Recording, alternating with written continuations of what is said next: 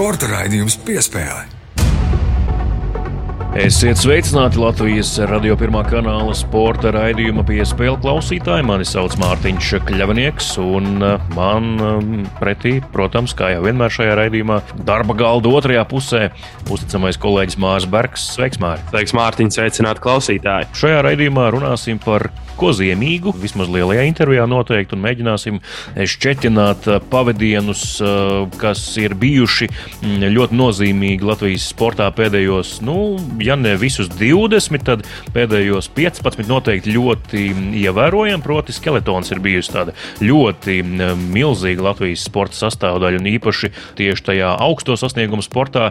Bet tagad, līdz ar to, ka Mārtiņš Dukurs ir pateicis, ka liek punktu karjerai, arī Tomas Dukurs jau faktiski ir šo punktu pielicis. Nu, vēl tāda maza astīta palikusi. Iespējams, ka sezonas izskaņā pasaules čempionātā viņš startēs, bet kas notiks ar Latvijas skeletonu, kam bija tik spoži panākumi pēdējos um, 10, 15 gados. Mēģināsim to šķetināt un šķetināsim kopā ar jauno skeletonistu audzinātāju. Jā, nu tas ir ļoti svarīgs jautājums, jo skeletons tik tiešām ir bijis uh, dienas kārtībā kopš 2008. gada Turīnas Olimpiskajām spēlēm. Un, uh, nu, tādu centrālo lomu tas droši vien ieņēma laika posmā pirms Vankūveras Olimpiskajām spēlēm 2010. gadā. Un, kopš tā laika tas visu laiku arī ir bijis dienas kārtībā, bet tagad uh, Mārtiņam beidzot karjeru un Tomasam pagaidām esot uz tādas daudz punktus, bet nu, arī tuvojoties tam vienam traknajam punktam. Izskatās nepārāk labi. Nu, no malas skatoties, izskatās, ka skeletons šobrīd atrodas tādā kā komā, bet kā ir patiesībā, to mēs uh, mēģināsim saprast šī raidījuma laikā, runājoties ar Skeletona akadēmijas treneru Ivo Steinbergu, bet tas, protams, raidījuma turpinājumā. Nu, protams, un tradicionāli, kā jau katrā raidījumā piespēle, sāksim ar nedēļas spilgtāko notikumu topu.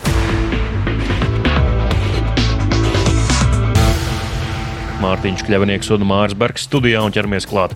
Nu jā, ievērosim subordināciju un sāksim ar pasauli, jo nu, viens tiešām uh, liels sportists. Gan personības ziņā, sasniegumu ziņā, visādā ziņā. Ļoti, ļoti spilgts. Uh, varētu pat teikt, ka daudzus pēdējos gadus viņš bija mm, tādi kā vienādības zīme. Ja nosauc šo konkrēto sporta veidu, tad pirmais, kas ienāca prātā, bija tieši viņš. Runa ir par Rodžeru Federeru, šveicieti un, uh, protams, tenisu. Rodžers Federers liek punktu savai izcilajai tenisa karjerai Māri. Kā tu atceries dienu, kad uzzināji šo faktu? Es biju pirmkārt pārsteigts. Eh, skaidrs, ka Federers pēdējos gados nav spēlējis traumu dēļ. Nu, ļoti maz viņš ir spēlējis. Eh, tieši karjeras pēdējos gados traumas viņu ir nomocījušas, bet es biju pārsteigts, ka viņš tieši šobrīd paziņo par karjeras beigām, tad viņam pēdējais turnīrs nākamnedēļ ir Leverkaus. Es biju gaidījis, ka tas varbūt notiks eh, gada pašās beigās, kad ir turnīrs Bāzelē. Man gribētos teikt, izcilākais tenisists vēsturē vismaz jaunāko laiku vēsturē noteikti tur varbūt uh, Rods Leivers un vēl daži citi spēlētāji varētu iebilst, bet nu, tas bija cits laiks, cits tenis. Paldies Rodžeram par izcilu karjeru. Nu, mēroga ziņā nu, tiešām milzīgs, milzīgs notikums, un arī viņš pats ir milzīgs sportists. Nu, tas ir kaut kas līdzīgs kā Maikls Jordans paziņoja par karjeras beigām savu laiku. Un, jā, kā jau teicu, nu, Federers tas ir sinonīms tenisam. Un, eh, nu, viņš ir viens no tiem sportistiem, kuru tu nosauc, un viņu zinās arī cilvēki, kuri vispār neseko sporta veidam ir ja šis lielais trīnieks mūsu laiku tenisā 21. gadsimtā veidojies no Rodžera, no Rafaela Nadala, Spāņu un arī Serba Novaka Džokoviča, kuru mēs diezgan tā, nu, ne tajā labākajā nozīmē pieminējām gada sākumā dažos raidījumos. Nu, Endijs Marais arī, Endijs Marais Brits arī vēl varētu šo to iebilst. Viņš tomēr ar tur visu laiku ar tiem, ar tiem vīriem tur cīnījās un malās kopā. Nu, viņš varētu veidot to četrnieku, jā, bet tomēr tas klasiskais lielais trīnieks droši vien ir Rafa, Rodžers un, eh, protams, arī um, Džokovičs. Un, eh, nu, katrs no viņiem ir citāds. Katrs eh, tenis līdzutējs viņos var atrast kaut ko sev saistošu. Un Rodžers man šķiet ir tāds, tāds ļoti izcils paraugs jauniem spēlētājiem ar uzvedību kortā, uzvedību ārpus tā, nu, tāds ļoti pareizs un patīkams personāžs un tāds, nu, varētu teikt, tenisa īstenis aristokrāts. Tā vismaz es viņu raksturotu. Karjeras gaitā viņš sev, tā, sev tādu tēlu izveidoja, bet karjeras pirmsākumos arī Federeram patika rakets padauzīt un palauzt. Tā kā nu, arī jaunībā viņš arī bija mazliet karstasinīgāks, bet, protams, tāds ļoti elegants spēlētājs. Jā, arī mēs salīdzinām tieši spēles stilu kortā, tad, eh, ja Rafa un Džokovičs ir tādi kārtīgi kapātāji, kuri cīnās un ļoti fizisku tenisu spēlē, tad Federers spēlē tādu, kas izskatās tā kā bez piepūles. Nu, tāda ļoti eleganta, plastiska, plūstoša spēle. Nu, tas varbūt arī ir viens no iemesliem, kāpēc viņa karjera bija tik ilga. Jo paskatāmies uz Federera vienaudžiem, Andrijs Rodiks, Leitons Hjūits, Juans Karlos Ferrero, visi bijušie pasaules pirmie numuri, visi vienaudži un viņi beidza desmit gadus ātrāk nekā Federers. Un līdz ar to nu, Federers vispār ir ļoti unikāls tieši savas ilgmūžības dēļ, jo tenis vispār ir tāds sporta veids, kur pēc 30 gadiem tava karjera augstākajā līmenī nu, faktiski ir beigusies. Eh, arī vienaudži Rodiks, Ferrero, Hjūits. Viņi bija vai nu beiguši karjeru, vai nu, ja spēlēja, tad ne tuvu tādā līmenī, kā viņi to bija darījuši vēl dažus gadus iepriekš. Līdz ar to tas, ka Federers varēja spēlēt tādā līmenī tik ilgi, uzvarēt Grand Slam turnīrus arī 34, 35 gados, tas ir fenomenāli. Jā, tā tad nu, šis gads kopumā nesis divus lielus punktus divu tenisistu karjerās. Rodžers Federers principā pirms pāris nedēļām arī Serena Viljams paziņoja, ka arī viss ir beidzies viņas profesionālajā karjerā mm, līdz ar ASV atklāto čempionātu. Nu, tās ir divas tik tiešām milzīgas tenisa personības, droši vien, par kurām vēl daudz un daudz grāmatu tiks sarakstīts, filmu uzņemts, dokumentālo. Nākamās paudzes noteikti par viņiem runās. Viņi ir atstājuši dziļas pēdas un arī mēs eh, to, protams, izceļam eh, sporta raidījumā piespēli. Bet, eh, Nākamais notikums mūsu sarindotajā topā arī tenis, arī ar tenisu saistīts, bet nevis ar cīņām kortos, bet ar cīņām nu, gaiteņos vai mm, konferenču zālēs. Piektdien pār Latvijas Tenisa Savienības jauno prezidentu kļuva Ernests Gulbis, kurš joprojām, starp citu, ir aktīvs tenisists un tāds uh, vēlas palikt arī vismaz līdz šī gada beigām, bet um, viņš tagad ir Latvijas Tenisa Savienības prezidents un uh, šo amatu ieguva kongresā, kas notika šonadēļ, kur par viņu nobalsoja vairums uh, no organizācijas biedriem. Tātad ar šo paziņoju, kad atbilstoši, atbilstoši balsu skaitīšanas komisijas veiktēm aprēķinam, balsu saskaitīšanai. Tātad ar 32 balsīm par, par jauno Latvijas Tenisa Savienības prezidentu ievēlēts Ernests Gulbis. Apsveicam! No piedāvātajiem kandidātiem Es teiktu, ka, protams, Gulbim bija jāuzvar, jo ir tikai divi kandidāti, un otrais vispār nav nekur dzirdēts. Absolūti nekur. Jā, Mārcis apsīts, tad par viņu, protams, plašāka publika īsti neko nezina. Bet par Ernestu runājot, Mārtiņu piekritīsi, nekas viņa līdzšinējā karjerā neliecināja par to, ka viņš varētu kaut ko tādu izvēlēties darīt. Jā, it īpaši karjeras eh, pirmsākumos un pirmajos tajos trakajos gados, kad viņš bija tas eh, nevaldāmais Ernests. Nu, jā, pēdējie gadi, it īpaši man spilgt atmiņā ir 2020. gada sākums, pirms vēl pandēmijas, kad bija Deivis eh, Kaus Latvijā tenisa centrā Lielupe. Un tur Ernests šķiet tā pirmo reizi tik tiešām ar jebkuru preses pārstāvu, kas bija atnācis uz preses konferenci, parunājās individuāli, sniedz intervijas, garas intervijas, nešķiroja jautājumus un, un nezobojās par nevienu no tiem. Tur jau varēja redzēt, ka viņš ir mainījies un kaut kas tajā viņa pieeja arī ir mainījies, un nu, tagad tas arī izpaužas. Es arī vi, visas šīs stundas pavadīju šajā konkrētajā jūrmālas viesnīcā, kur notika Latvijas Tenisa Savienības kongresa piekdiena interesanti notikumi tur bija. Jāsaka jau ar to vien, ka kongress uh, sākās, protams, ar uh, līdzinājā prezidenta, kurš 24 gadus pabijām tā Jūras Savicku uzrunu biedriem, un, un tur bija tāds neliels balsojums par to, ka biedri piekrīt darba kārtībai, un tad vēl pat nebija iecelti balsu skaitītāji. Visi paceļ savas kartītes, neviens īsti neskaita, Jūras tikai pārmet acis pāri telpai. Apmēram 90%. Vairākums būs labi. tā kā atsumērs strādāja un, un ļoti leģitīms, mm, kā saka, mērinstruments, lai, lai saskaitītu balsis. Protams, ka kongresa gaitā tomēr tika iecelt arī balsu skaitītāji trīs, un viņi sekoja līdzi, bet uh, amizantums nebeidzās tur. Tur bija tik daudz uh, nesaprotamu lietu šajā kongresā, kā lietas notika. Nevirzījās viņi pēc statūtiem, tad viņi gāja konfliktā ar likumu, kas uh, likums par nodibinājumiem un biedrībām ir spēkā pēc tam, starp citu, pēc šī kongresa. Es arī uzdevu jautājumu Jurim Savickim, jo viena no biedriem uh, kongresa laikā izteica tādu patiesu pateicību Jurim Savickim, ka paldies, ka mēs beidzot esam sapulcējušies, jo neesam taču jau kādus četrus gadus redzējušies likums par biedrībām un nodibinājumu nosaka, ka ir jāsasauc kongress uh, vismaz vienreiz gadā. Un uh, Juris Savickis pēc tam uz mani jautājumu, nu, cik bieži notika Latvijas tenisa savienībā kongress un vai tika ievērots likums, teica, nu, reiz četros gados. Nu, laikam jau netika ievērots likums. Tā kā arī tāda ir bijusi Latvijas Tenisa Savienība Jūras Savickas vadībā. Tas laikam daudz ko pasaka, kāpēc bija nepieciešams pārmaiņas šajā organizācijā.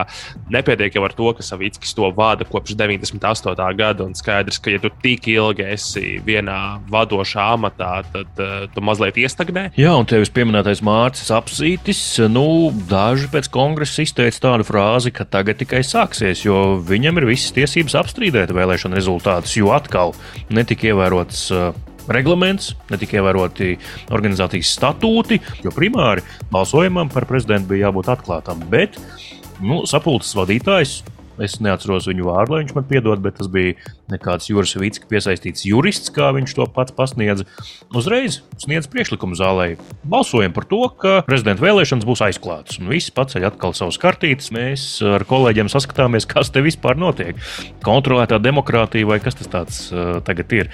Nu, un tā šis balsojums arī notika. Un, protams, ka bija jau iepriekš sagatavoti biļeteni balsošanai, uh, kā kāds Nostradamus būtu paredzējis, ka tiešām nobalsos par aizklāto, aizklātām vēlēšanām vēlēšanām, un urna bija jau sagatavota uzlikt uz krēsla. Tā kā tas viss nenotika pēc statūtiem, gal galā Mārcis Apsītim ir visas tiesības apstrīdēt vēlēšanu rezultātus un nākamajā kongresā novembrī mēģināt vēlreiz. Teiksim tā, mēs visi labi zinām, ar ko Jurim Savickim ir bijusi darīšana viņa dzīves pirmajā pusē, ar kādām iestādēm un kādas varas iestādēm. Līdz ar to es nemaz nebrīnītos, ka mēs varētu runāt par kaut kādu kontrolēto demokrātiju un kaut kādiem mēģinājumiem kaut ko ietekmēt, bet tas ir tikai mans viedoklis. Es to nevaru apgalvot. Es tikai tā no malas klausoties, nu, redzēsim. Nu, es domāju, ka katrā ziņā Ernests eh, ar savu personību un vilkmi tenisam eh, noteikti var piesaistīt gan papildus uzmanību vietējā mērogā un eh, palīdzēt ar atbalstu un ar savām idejām. Un speciālistu piesaist arī no ārzemēm, jo, kā viņš pats izteicies iepriekš intervijās, tad fakts, ka Latvijā ir trīs augstākā līmeņa tenisisti, tātad viņš pats, arī Anastasija Sevastovonā, Ļaunā Stapenko, tas nav sistēmas rezultāts, tā ir nejaušība un pašu spēlētāju un viņu vecāku neatlaidība, mērķtiecība un, un vispārējais. Tas nav sistēmas rezultāts. Un uh, nedēļas tops turpinās. Uh, nākamais mūsu izvēlētais pieturas punkts ir, protams, protams ceturtdiena un lielais futbols Skonto stadionā. Man vienmēr prātā ir palicis skaitlis 10,000, kas var pulcēties Skonto stadionā pēdējos gados, varbūt 8,000, bet nu pēc tādas mm, nelielas uh, sēdvietu pārveides un um, to vietu no kurām laukumu tikpat kā nevar redzēt, izslēgšanas no šo pārdodamo vietu saraksta, tad nu, tiešām Skonto stadionā esot nedaudz vairāk nekā 6700 vietu. Tās visas bija aizpildītas UEFA konferences līgas mačā pret Edinburgas Hārts būtu ļoti dīvaini, ja tās vietas, protams, nebūtu aizpildītas un uh, tribīnes būtu pustukšas. Tomēr nav katru dienu Latvijā Eiropas līmeņa mači, tīpaši grupu turnīra līmeņa mači. Nu, RFS, diemžēl, pirmais zaudējums konferences līgā ar 0-2 atzīstot Hārts komandas pārākumu. Jāsaka tā, ka iespējas bija arī RFS izcelties, taču nu, kopumā Skoti bija pelnījuši vairāk šo uzvaru un to arī izcīnīja.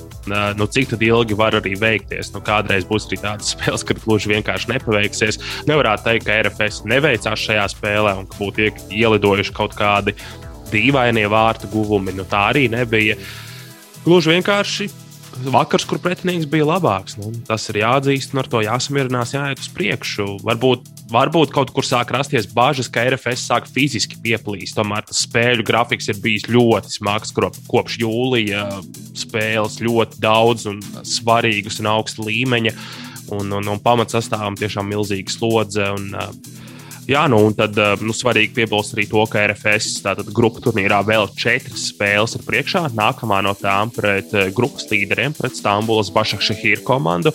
Viņi ir sākuši ļoti pārliecinoši. 4-0 uzvarēja pirmajā spēlē pret Hārts, un otrajā spēlē ar 3-0 pieveica Fiorentinu. Tā kā ļoti, ļoti nopietns pretinieks gaidāms. Viņi izskatās tiešām labā formā. Arī Turcijas čempionātā līdz šim eh, nav ielaiduši vārtus vēl. Līdz ar to Bašakšahīra būs tiešām spēcīga komanda komanda. Un, nu, pēc tā kā ir gājis Fiorentīnai un Hārts, turēsim īkšķus, lai RFS nepiedzīvo sagrābu. Jā, nu cerams, ka tā nenotiks, bet mēs savukārt dodamies uz pēdējo uh, nedēļas spilgtāko notikumu topā pieturvietu. Un, protams, nu, milzīgs notikums Eiropas sportā šajā rudenī. Eiropas čempionāts basketbolā tā fināla turnīrs notiek četrās valstīs, bet nu, fināls gan Berlīnē šodien, pusdesmitos vakarā, un uh, tajā sacensties uh, Spānija pret Franciju. Divas uh, basketbola lielvaras. Iespējams, ka daži prognozēja, ka tieši šīs komandas nokļūs līdz finālam, bet noteikti nedaudzi paredzēja to, ka par bronzu šovakar tieši 6.15. vakarā cīņu uzsāks Vācija un Polija. Nu, tāds ir tas Kodolgoto četrnieks. Jā, nu, polijas atrašanās varbūt šeit ir tāds vislielākais pārsteigums. Galu galā viņi pa ceļam apspēlēja arī Slovenijas izlasi. Francija, Spānija finālā, ja mēs skatāmies pēc valstīm, jā, pilnīgi normāls Eiropas čempionāta fināls pēdējā desmitgadē arī tāds ir bijis. Bet eh, vai tieši šogad tam tādam bija jābūt? Nu, laikam īsti nē, bet um, nu, beigās tieši šīs divas komandas ir izcīnījušas savu vietu. Un, uh, katrai no tām ir iemesli, kāpēc tās ir tikušas līdz finālam. Gribētu teikt, ka divi galvenie iemesli ir nevis spēlētāji, bet galvenie treneri. Gan Vincents Kolē, Francijas izlasē, gan arī Sergio Skariolo, Spānijas izlasē. Divi ļoti gudri, ļoti pieredzējuši treneri. Bet, nu, ja man būtu jāliek sava kārtas uz kādu komandu, tad tīri tāpēc, ka uh, francūžiem nav naturalizēto amerikāņu, es liktu tomēr uz viņiem, jo pat spāņiem ir Lorenzo Brauns.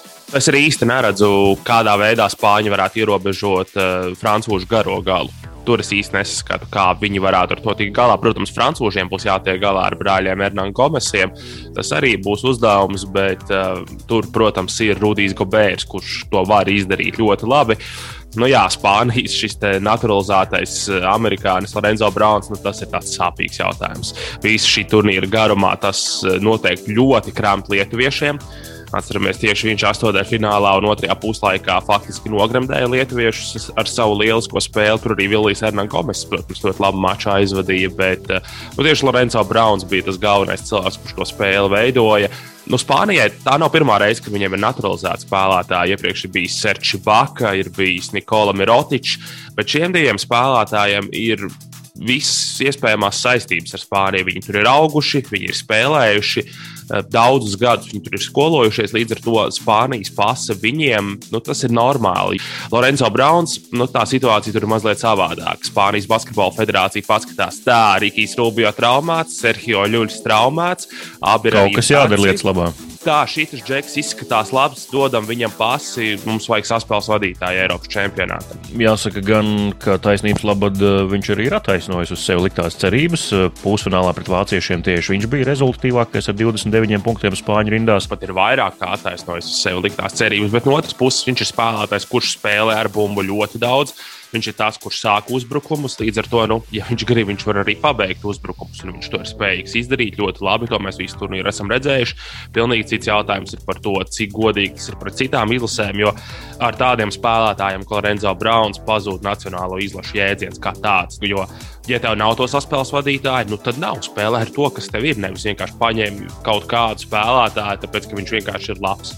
Jā, nu tur starptautiskajai basketbola federācijai, jeb FIBA, noteikti ir jādomā, ka mm, dzelžaināk iegrožot šādus gadījumus, ka vienkārši izvēlas spēlētāju no plašā tirgus un uh, piešķir viņam pasu, jo viņš jau nākamajā dienā ir izlases treniņā. Bet mm, par trešo vietu un kura komanda to varētu izcīnīt, nu droši vien jau, ka uh, te lielākas simpātijas piederēs gan tur uz vietas, gan iespējams, ka arī mm, ārpus Vācijas pašiem vāciešiem. Jo komanda tiešām simpātiski pārsteigusi. Um, Denis Šreders arī nu, pēdējās sezonas Nacionālajā basketbola asociācijā nebija īpaši spilgts, bet izlasē parādījis līderlomu. Jā, Denis Šrēders sev ir lieliski parādījis šajā čempionātā. Noteikti viens no turnīra vērtīgākajiem spēlētājiem. Arī naktī uz sestdienu viņš parakstīja jaunu līgumu ar Los Angeles Lakers komandu. Nu, varbūt parakstījis bija jau iepriekš, bet uh, izziņots tas katrā ziņā, ziņā tika naktī uz sestdienu. Nu, jā, Kas nu, interesanti, vācieši... viņam kaut kur uz kājas ir tetovējums ar uh, ķeltu un, uh, un arī ar ābolu lapiņām. Kā, Bostonas mm. Celtics, Lakers ģērbtuvēs, tas, tas neizskatīsies labi, bet nu, labi, Lebrons Džeims Džeims gan jau pievērsis to acis, viņš nav Kobe Bryants. Bet, eh, kas attiecas uz vāciešiem, jā, tad Šrēderam ir tas, kas nebija Dirkam Novickim Vācijas izlasē, proti, viņam ir palīgi. Jo šajā izlasē nav viens Denis Šrēders un 11 pārējie.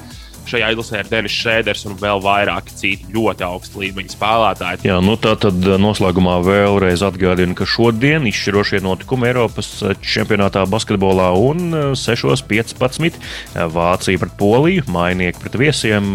Tātad vācieši uzņem Eiropas čempionātu pie sevis un vācieši cīnīsies par bronzu. Savukārt pusdesmitos vakarā Spānija pret Franciju lielais fināls, kuri tad kārs kaklā Eiropas čempionātā panākt zeltu. Bet eh, mums līdz ar to arī tas šajā mm, nedēļas topā viss.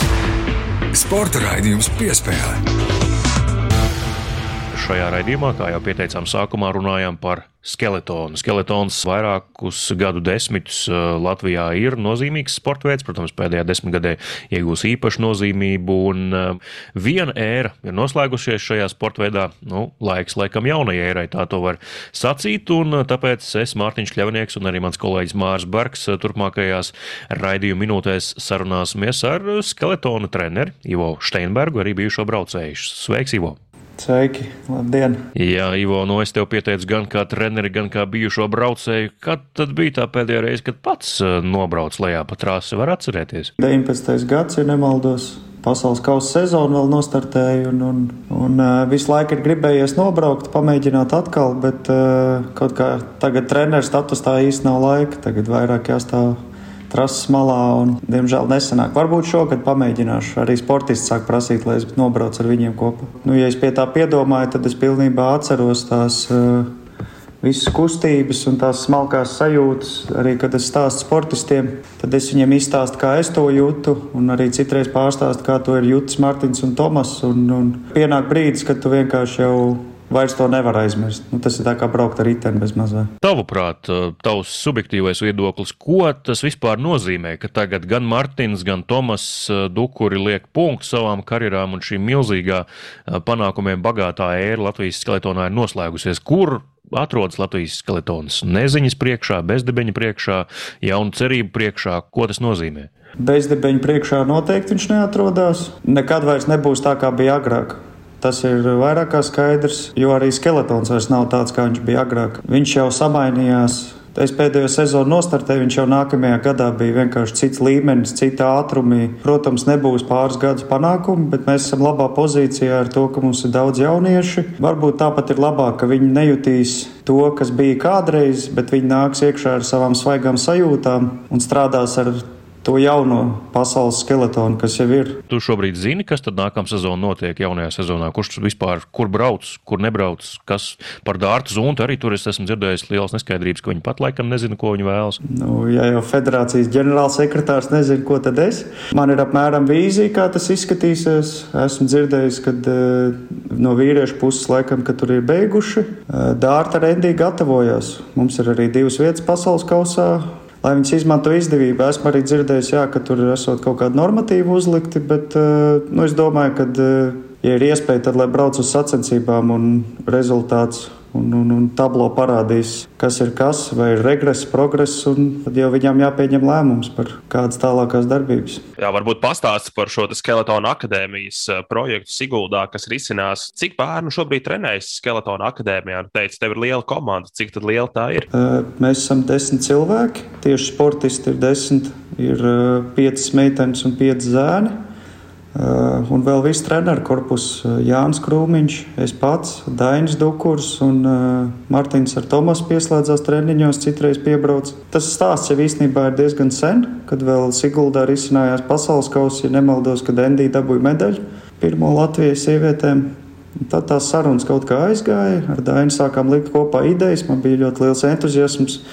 viņš tā kā uzķēra to vilni un, un, un Te nu mēs esam. Mēs jau, jau pirmās sacensības šogad. No kurienes viņi ir saplūduši tagad tie 5 un 5? Toreiz, kad es biju Skeletona akadēmijas viena no pirmajām atlasēm, Siguldā tur bija kauns lēpotāji, tur bija vieglatlēti, man liekas, pat basketbolisti bija atnākuši. No kurienes tad šie desmit censoņi? Tas sastāvs nav mainījies no tās pirmās atlases. Ir, protams, kādi, kas ir pateikuši, ka tas nav, ka tas nav priekš viņiem, kāds ir pienācis klāt, bet pārsvarā tā ir uh, vieglatlētika, protams, futbols, kalnu slēpošana, kā tu teici. Un, uh, viņi visi ir Siguldas novadnieki. Ir arī cilvēki, kas ir speciāli pārvākušies pat no ogles uz Siguldu, mainījuši skolu lai tikai varētu pievienoties un, un ar mums darboties kopā. Amplitūda iepriekšējais diezgan plašs, un tas arī ir nedaudz izaicinājums kā trenerim, jo citiem grūti salikt tās stiprās un vājās puses kopā, bet eh, nu, cenšamies ar katru individuāli piestrādāt. Jā, nu vēl arī tāds tīri organizatorisks dabas jautājums. Um, līdz ar to, ka brāļi ir beiguši kaģeru, rezultāti kritīsies, un uh, vai nav bažas par to, ka skeletons var palikt bez atbalstītājiem, un līdz ar to arī nav finanses, lai turpinātu šādu projektu? Bažas nav pagaidām, jo Siguldas pašvaldība ir spērusi ļoti drosmīgu soli Viņi ir uztvēruši mūsu to ideju, viņi mūs atbalsta. Brāļiem ir savs bizness, jā, Dainim ir savs bizness, man ir savs bizness. Skeletons bez finansējuma nepaliks. Bērns mēs arī nepametīsim un, un atbalstīsim. Un ir arī interese jau no citām pusēm. Viņi redz, ko mēs darām. Ja tur būtu kāds finansējums no federācijas puses vai, vai, vai vai no valsts papildus. Par to priecātos, bet kamēr neesam nopelnījuši, tikmēr strādājam ar to, kas mums ir, un mums ar to pagaidām pietiek, lai izdarītu pamatu. Atkal sanāk tā, ka skeletons turpina balstīties uz to pašu entuziasmu kā pēdējos 20 gadus. Varbūt ne vairs eh, tikai no vienas ģimenes puses, bet eh, plašākā cilvēka lokā, bet tik un tā. Nu, paldies, protams, pašvaldībai, kur jums palīdz, bet eh, nu, tāda sistēma, acīm redzot, joprojām uh, gaida tādu varbūt izveidu un ieviešanu, kā skeletons varētu dzīvot bez nu, tāda privāta entuziasma, vai ne? Vai tas vispār ir iespējams? Pareizi, tu pajautāji, vai tas ir vispār iespējams. Es arī kaut kā, tas mans subjektīvs viedoklis, es arī kaut kā sāku domāt, vai tas vispār ir varbūt vajadzīgs. Jā. Iet tur lūgties, labi, ir kriteriji, tu viņus izpildi, tu saņem valsts finansējumu, ok, bet uh, Tā kā tu teici, ja tagad tas eh, lokus paplašinās ar cilvēkiem, kas viņu varētu atbalstīt, kam tiešām interesē, tad varbūt tas ir modelis, pie kā ir jāstrādā. Es varbūt pat labāk gribētu redzēt to, ka ka mēs pieturamies pie šāda un, un, un ka tas valsts finansējums nesastāv galveno daļu. Nu, tur arī būs liels izmaiņas, un jau ir notikušas liels izmaiņas, tā kā tas varbūt arī dabīgi iet uz to. Cik klātesošs šajā visā procesā un akadēmijas darbībā ir Dainis, jo, kad martā es biju uz vienām no pavasara atlasēm, tad Dainis arī tur atradās, eh, vērtēja jaunos sportistus, kuri bija ieradušies uz šīm atlasēm. Eh, Dainis eh, ir klātesošs pie visām tehnikas lietām. Viņš ir uh, organizatoriskos jautājumos. Varētu teikt, ka uh, mēs viens otru papildinām. Viņš ir tikpat klātesošs kā es un ar uh, tikpat lielu entuziasmu. Mārtiņš ar Tomasu ir arī ļoti liels pienesums. Jā, nu izteicies, ka tāds ilgtermiņa mērķis šim projektam, pirmais mērķis ir jaunatnes olimpiāda, tad arī Milāna 2028. gadā.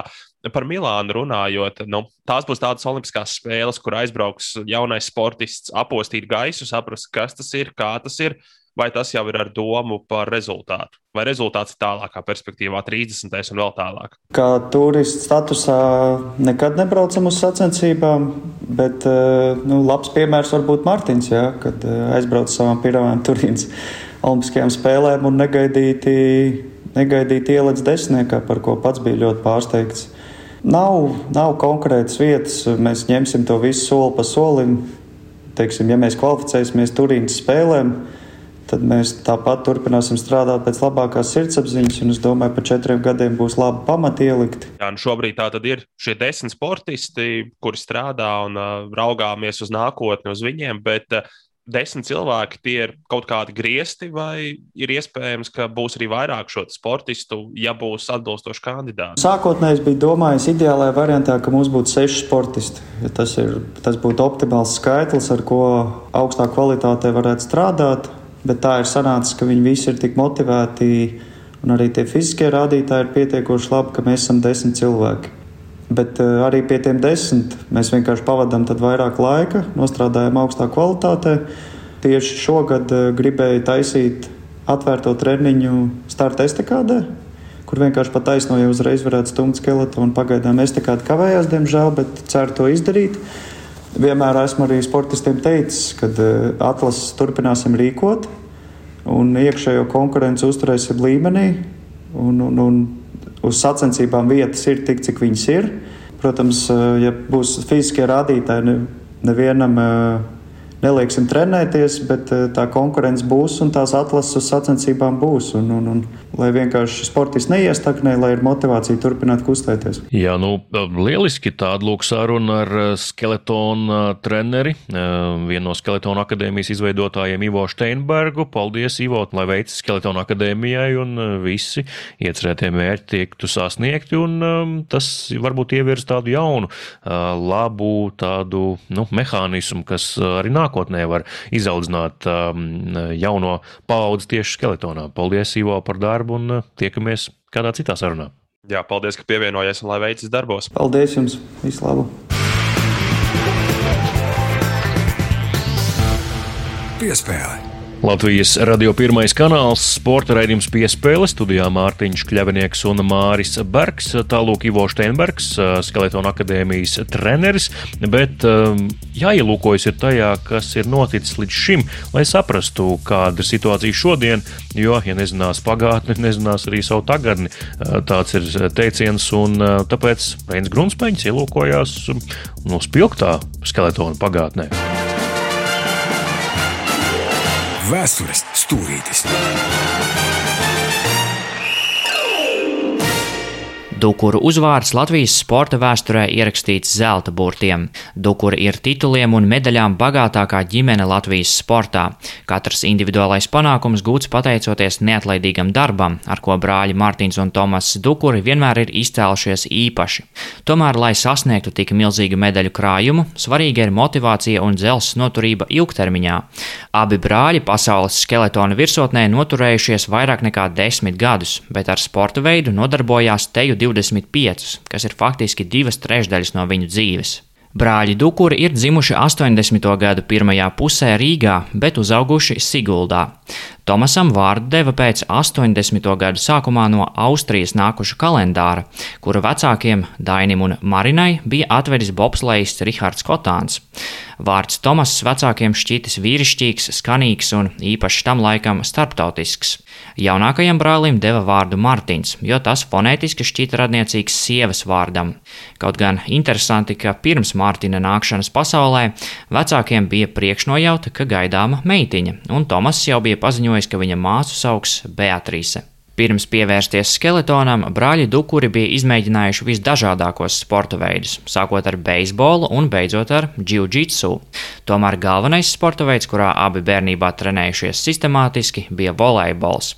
Mārtiņš pat bija uzvarējis Latvijas čempionātā pludmales volejbolā, bet vēlāk pievērsās arī vieglatlētikai, kur skrēja 400 metru distanci. Taču blakus skeletonam viņi bija jau no pašiem sporta veida pirmsākumiem Latvijā, par cik tēvs Dainis, būdams Siguldas trases direktors šo sporta veidu Latvijā arī ieviesa, kad 1995. gada 12. martā par pirmo latvieti, kurš Siguldas trasi izbraucis ar skeletonu, kļuva Guntis Maksis, klāt bija arī brāļi Dukuri, kuri paši tajā dienā pāris virāžas jaunajā sporta veidā izbrauca un 90. gadu otrajā pusē arī sāka trenēties.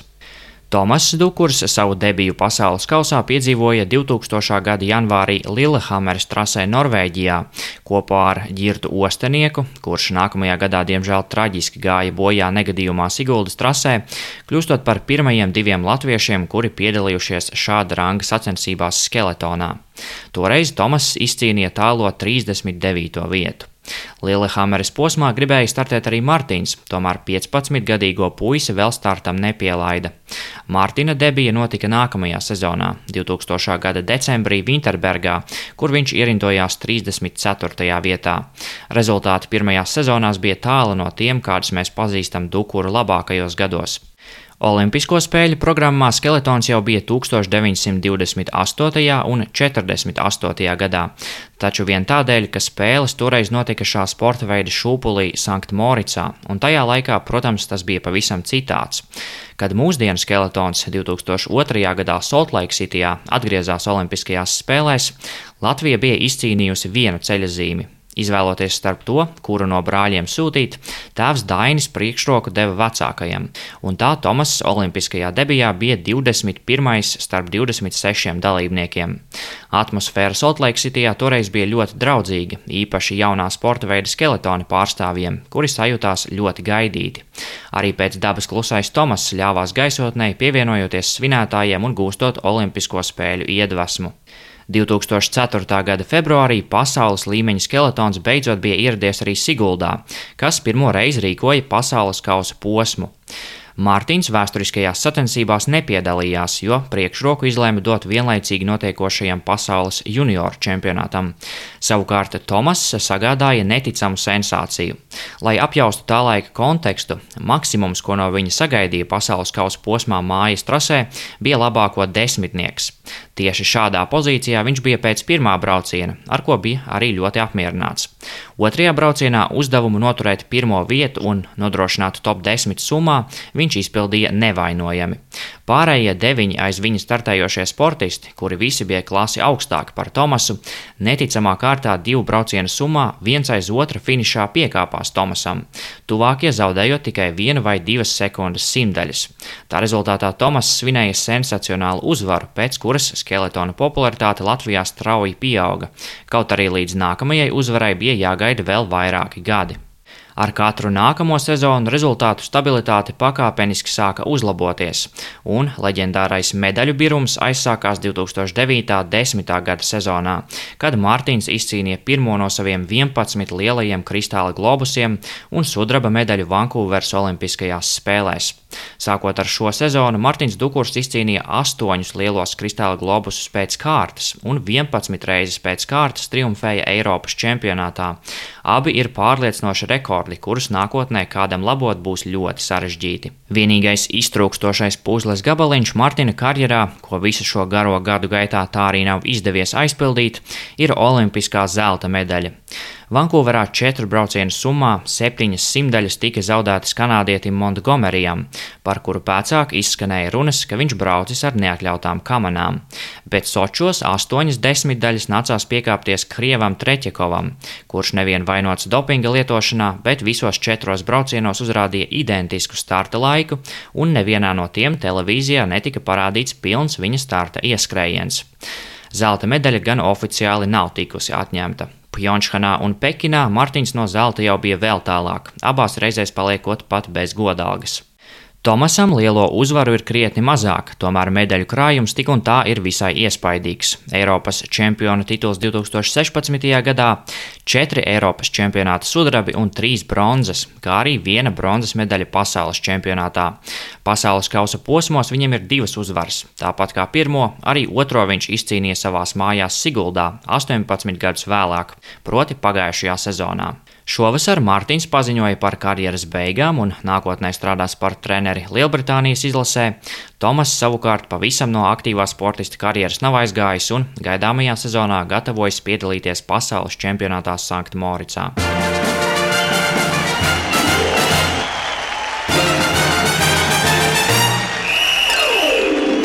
Svētdiena, Latvijas radio pirmais kanāls, sporta raidījums piespēle, studijā Mārtiņš Kļavnieks un Māris Bergs, tālāk Rēns Grunspēņķis, um, rokoties cauri Mārtiņu un Tomas Dukuru milzīgajai panākumu kaudzei.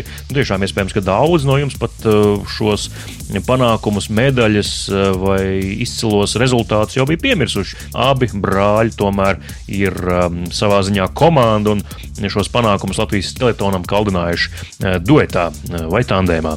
Bet uh, mēs līdz ar to arī šoreiz no jums atvadāmies. Paldies, ka klausījāties. Cerams, ka bija interesanti un uh, plāns nav mainījies. Katru svētdienu joprojām uh, nāksim pie jums. Bet, uh, ja šodien nav svētdiena, tad raidījumu piespēli varat meklēt arī jebkurā sevērtā podkāstu jeb raidierakstu klausīšanās vietnē. Nu, un, protams, ir arī svarīgi piebilst, ka nākamās nedēļas raidījumā, kā mēneša pēdējā raidījumā, rubrika ciemos pie Gunāra Jākapsona. Mārtiņ, mēs ar tevi dodamies strādāt jau pie nākamās nedēļas raidījuma. Paldies, ka klausījāties un uz tikšanos! Vislabāk!